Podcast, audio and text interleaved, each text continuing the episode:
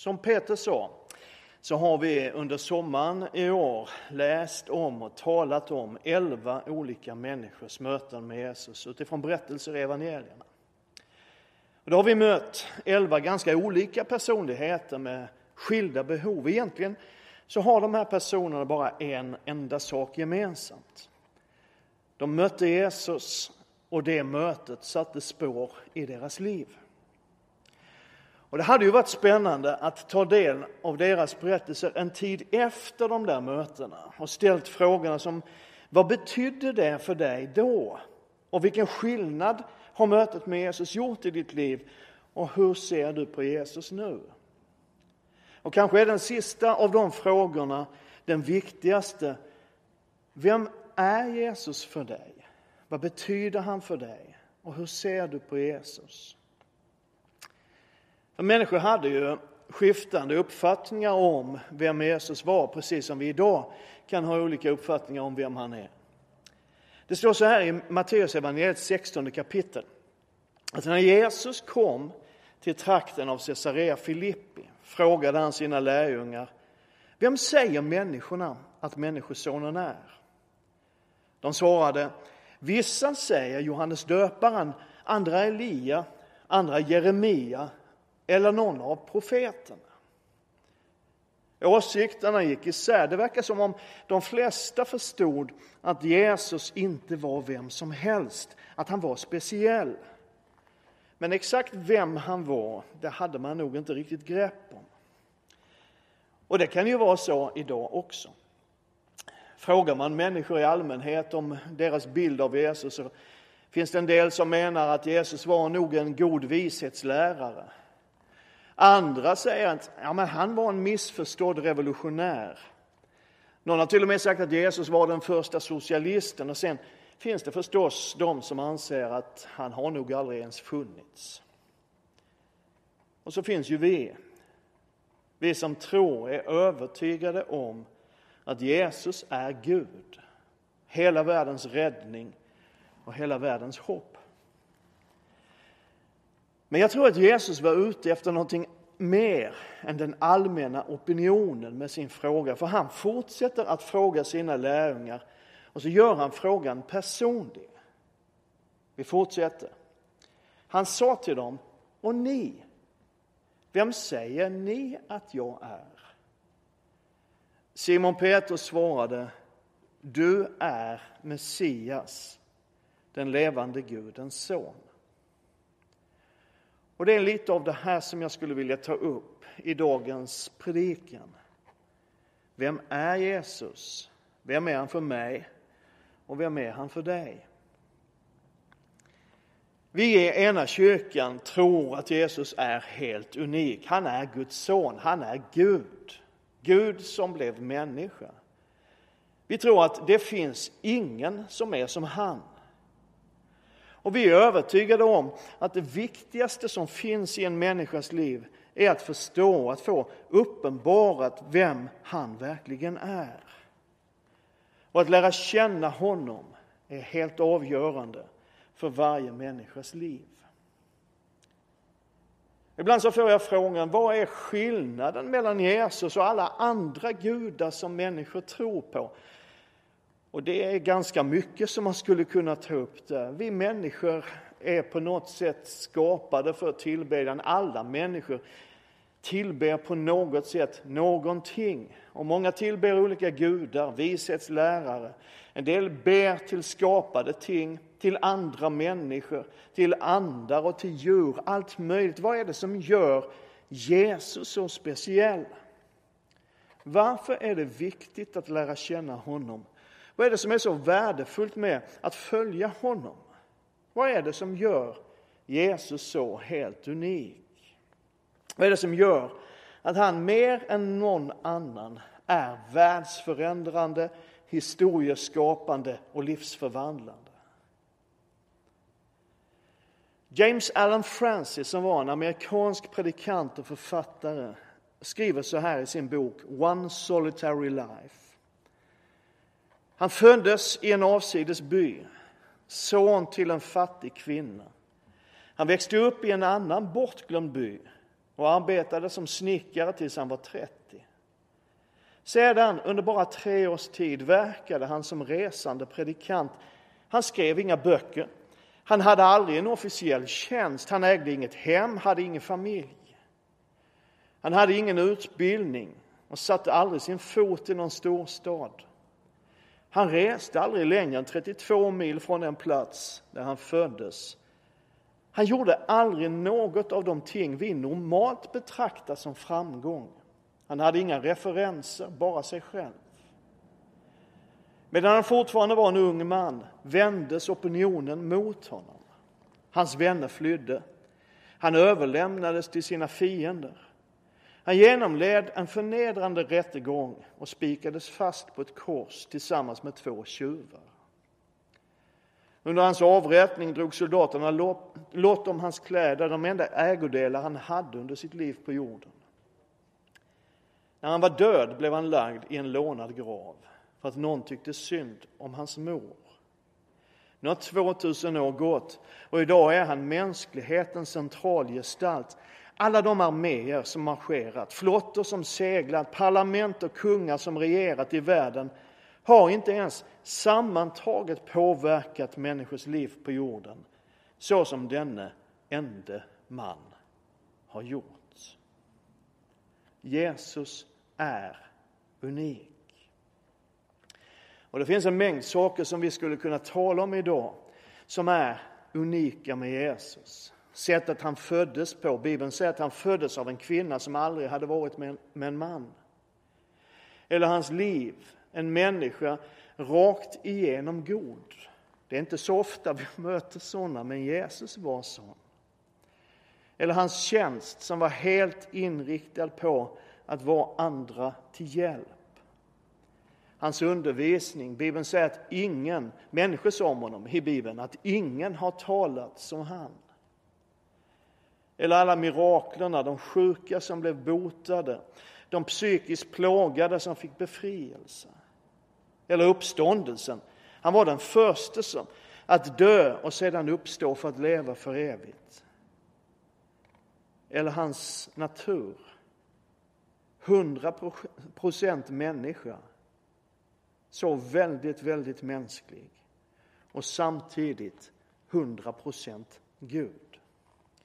Och allt det där är viktiga teologiska sanningar. Men idag skulle jag vilja röra mig på ett mer personligt plan. Det som gör Jesus unik för dig och mig. Vem säger du att han är? Vem säger jag att han är? Och jag tror att ett av de allra viktigaste bibelorden i det sammanhanget är det som står i Apostlagärningarnas fjärde kapitel. Där det står, hos ingen annan finns frälsningen eller räddningen. Och under himlen finns inget annat namn som människor fått genom vilket vi blir frälsta. I Jesus finns varje människas hopp, varje människas räddning, varje människas frälsning, om vi vill använda det ordet. Och när jag läser vad Bibeln säger så upptäcker jag en sak som på ett sätt kan vara lite skrämmande. Och det är att det finns ingen som känner dig och mig så som Jesus känner oss. Hans kunskap om dig är helt unik. Ingen känner dig som han, inte ens du själv. Vi lever i ett universum som för våra ganska små hjärnor är helt ofattbart stort. Det är oändligt. Bara i vår galax, Vintergatan, finns över 200 miljarder stjärnor. Och det sägs att det finns över 400 miljarder galaxer. Jag vet inte vem som har räknat dem. Det tar typ 15 år att räkna till en miljard med en hastighet av två tal i sekunden. Så vem som har kunnat räkna ut det där, det vet jag inte. Men ändå, trots att antalet galaxer är så vansinnigt stort och antalet stjärnor i varje galax är så enormt stort så säger Bibeln så här i psalm 147 att han, Gud, bestämmer stjärnornas antal. Han nämner dem alla vid namn. Stor är vår Herre och väldig i kraft. hans förstånd är utan gräns. Men Bibeln säger också så här, och nu läser jag från psalm 139 i den översättning som kallas den levande Bibeln. Herre, du genomskådar mig och vet allt om mig. Du vet om jag sitter eller står. Även om du är långt borta från mig så vet du vad jag tänker.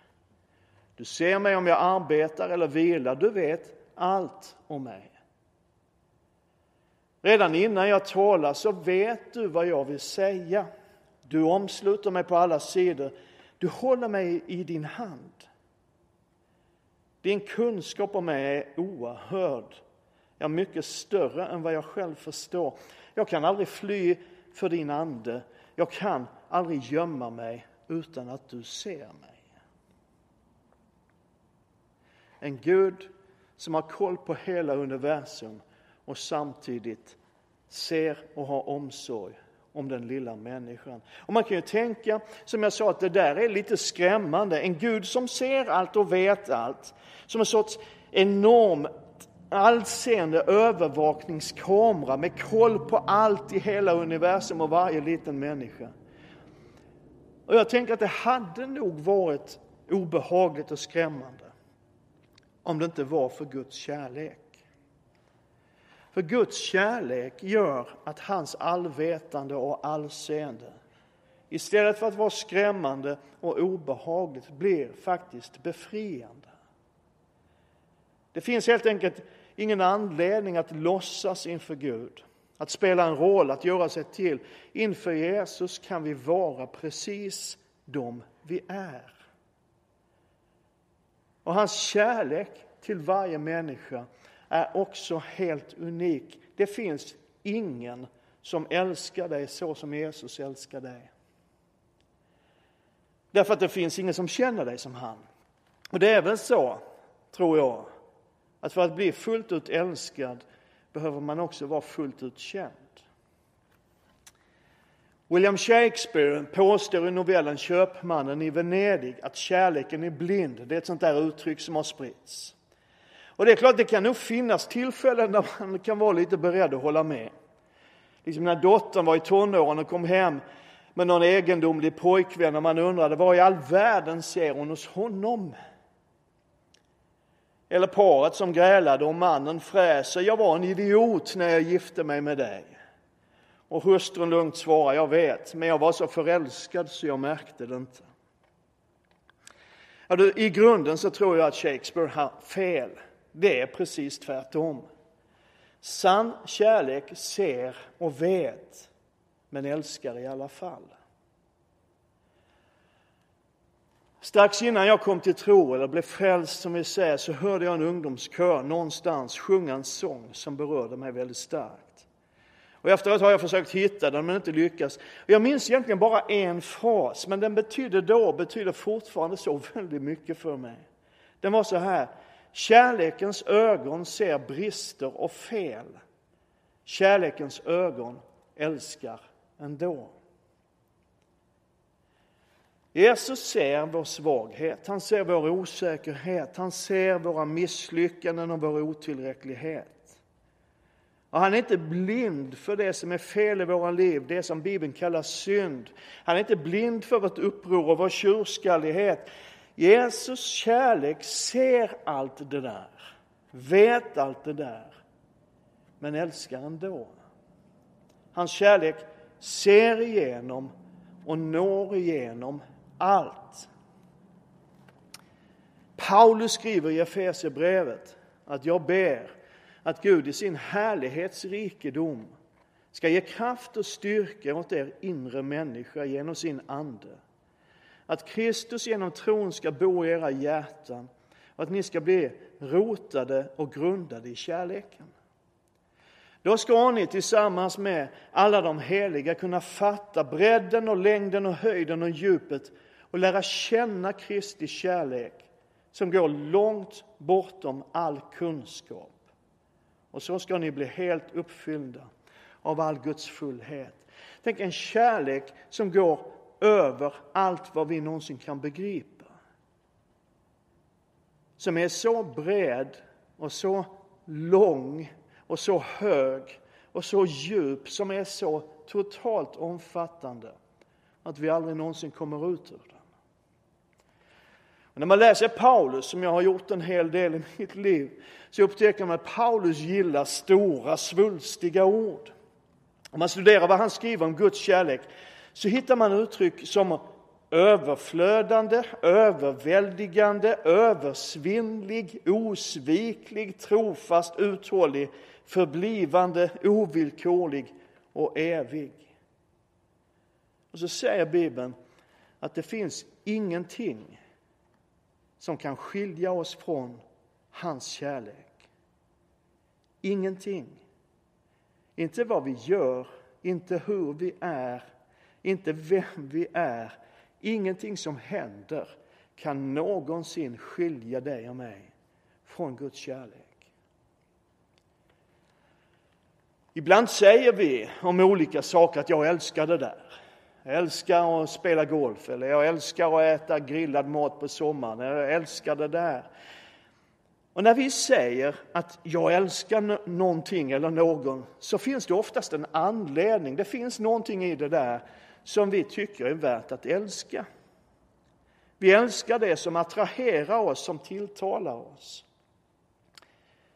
Men Bibeln säger att Jesus Kristus dog i vårt ställe medan vi ännu var syndare.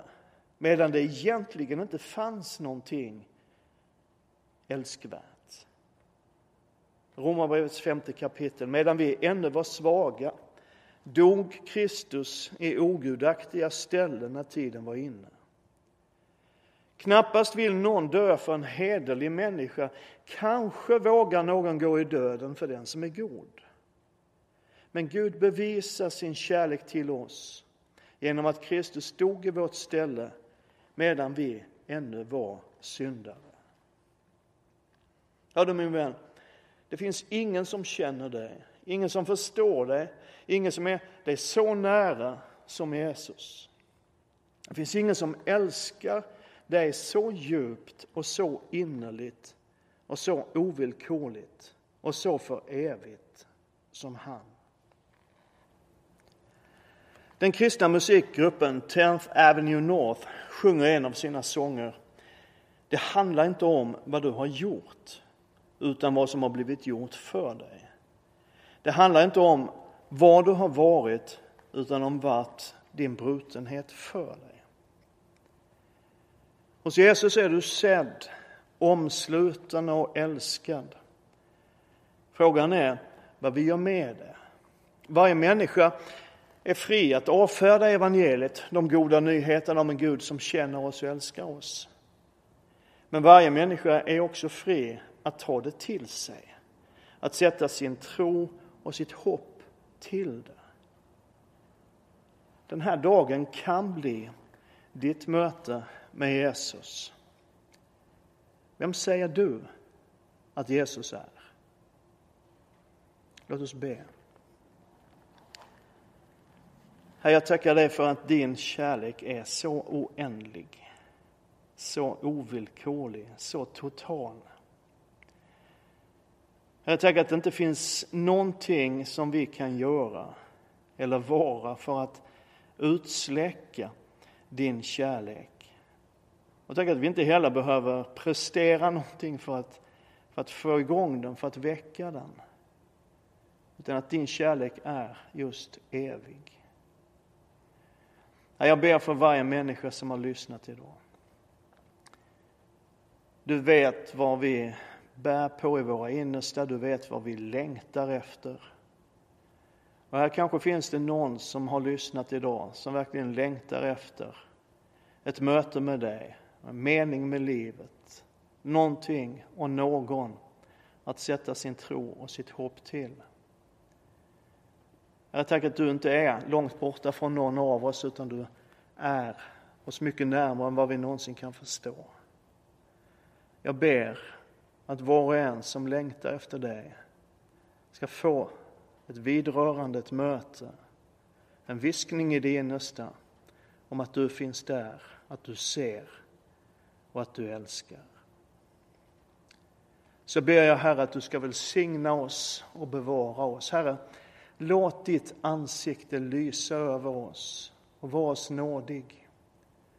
Herre, vänd ditt ansikte till oss och ge oss frid i Faderns, Sonens och den helige Andes namn. Amen.